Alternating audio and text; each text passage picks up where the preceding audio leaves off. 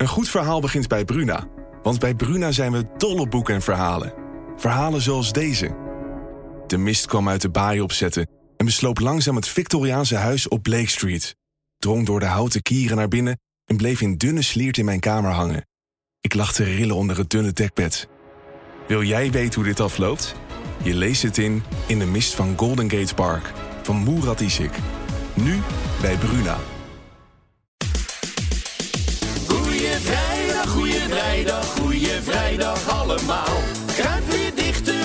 Speaker voor deze week de laatste maal.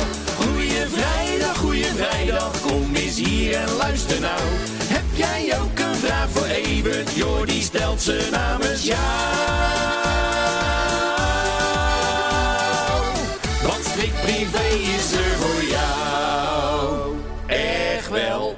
Het wordt een vliegensvlug weekend. Heeft eh, alles te maken natuurlijk met de Formule 1. Ja, ben jij daar een persoon voor? Iemand die daarvoor voor de buis gaat zitten, Evert? Eh, Nou, dat wil ik wel zien. En ik vind het spektakel in, eh, in eh, Zandvoort natuurlijk wel extra bijzonder. Omdat, ja. ik die plek wel goed. En het is toch leuk dat de hele wereld daarnaar zit te kijken.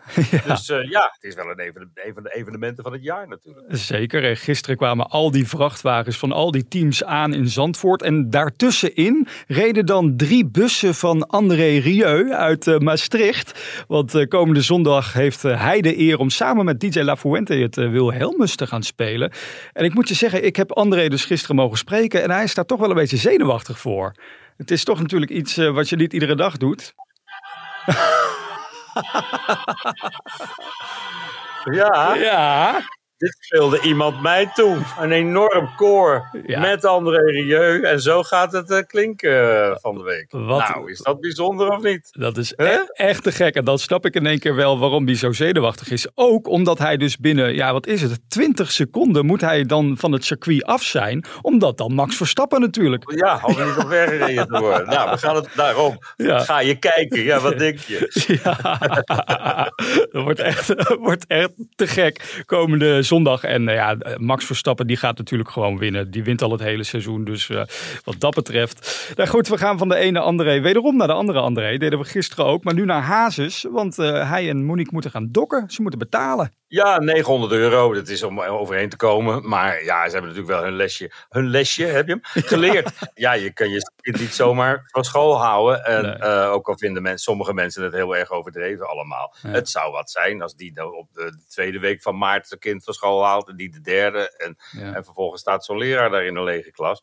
Dus ik vind dat wel goed dat er gehandhaafd wordt. En eh, ja, ook goed dat er geen uitzondering gemaakt wordt voor de familie Hazes. Hm. Die notabene het hele jaar v- vrij waren. Ja. Dus eh, die, die, die hadden ook een andere week op vakantie gekund. Nou ja, één uitzondering werd er gisteren wel voor ze gemaakt. Want ze mochten dan weer via de personeelsingang naar binnen komen. Hoe kijk jij daar tegenaan? Dat BN'ers dan een VIP-behandeling krijgen op die manier? Nou, ik vind het wel logisch dat de Hazes-familie een- een- door de personeelsingang mag. Als je zo vaak naar...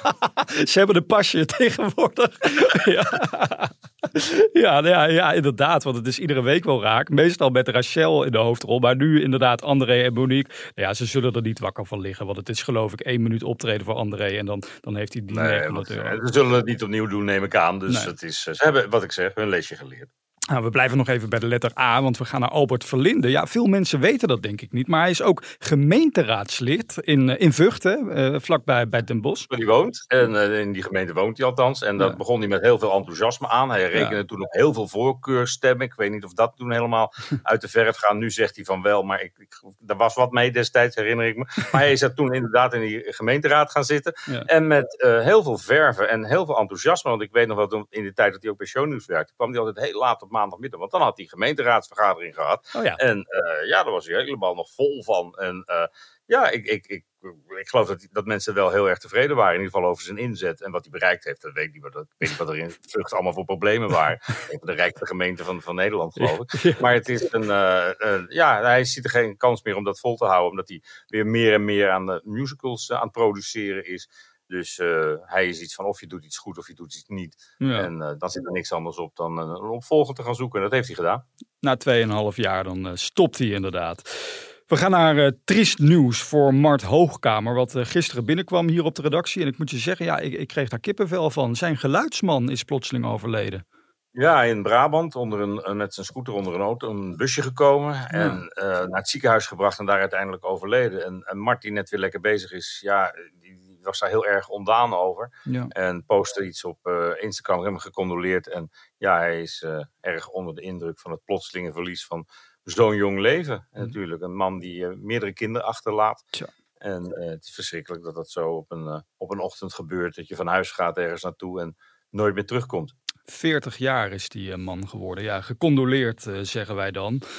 Rob Kemps die had op een hele andere manier een pittige periode. Ging natuurlijk na een lange relatie uit elkaar met Mirjam. Kreeg daarna een nieuwe vriendin. En eigenlijk kwam hij daarmee een beetje onder vuur te liggen. Hè? Omdat hij ja, dat te veel uitte. En nu heeft hij voor het eerst voor de camera van Shownews... Uh, heeft hij ja, daar iets over verteld. Ja, dat hij natuurlijk heel gelukkig is. En uh, dat hij zijn eigen kinderen nog drie... Daar twijfelde niemand aan dat hij heel gelukkig was. Dat was meer de manier waarop hij thuis weggegaan was. Ja. En, uh, waardoor hij onder vuur kwam te liggen. Maar ja, hij is een beetje moeilijk ge ge geworden, onze Rob, vind ik. En, uh, het is wel goed om af en toe even je verhaal te doen, denk ik. Dat denk ik ook. Zullen wij dan de week maar afsluiten voordat we straks lekker voor de buis gaan zitten voor Max Verstappen? Dat doen we natuurlijk met onze eigen persconferentie. Eventjes aan Evert vragen, dat lijkt me echt een goed plan. Een vraag aan de privéman. Van luisterarette Juliette deze week. Uh, die vraagt zich af, joh, iedereen heeft het de hele week over B&B vol liefde, maar niet in jullie podcast. Evert, ben jij wel een fan van dat programma? Nou, ik begin er elke keer vol enthousiasme aan, maar Ja. dan ben ik toch te weinig avonden thuis om dat eh, te, te zien of terug te kijken. En dan stapelt het zich zo op. Dus ik heb nu weer 16 afleveringen eh, opgenomen, geloof ik. Ik weet het ook gewoon via Videoland dat terug te kijken. Niet dat ik dat van de winter wel eens gaat doen of zo. Maar ik heb het, ja, ik, ik moet er snel afhaken. Ik zit of in de auto naar Hilversum of Ja. we hebben een etentje. En dan, eh, dan is het toch wel heel erg ingewikkeld om al die afleveringen weer in te halen. Want elke dag een uur, dat is, eh, ja, dat, dat, daar gaat veel tijd in zitten. Dus ik, ik vind het wel leuk en ik smul van de verhalen die ik mensen hoor vertellen erover. En dan word ik toch wel weer nieuwsgierig. Ja. Dus met andere woorden, ik weet het nog niet, maar ik denk wel dat ik het nog Ja. een keer een heel seizoen ga, ga bekijken. Kijk, en tot die tijd kun je je lekker gaan verdiepen in Tantra. Want dat hebben wij als trouwe kijker, ik ben een trouwe kijker, hebben we dat gedaan. Dat, dat schijnt heel goed voor je te staat ook in het blad deze week, een heel verhaal over de Tantra-man. Maar ik heb dat eh, laten maken door iemand die wel keurig al die afleveringen gezien heeft. En eh, meer verstand van zaken heeft op dit moment dan ik.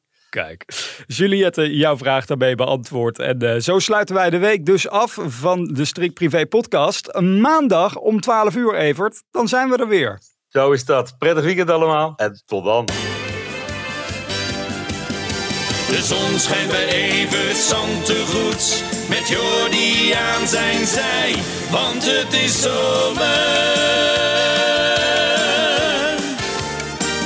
Maar dat is strikt privé.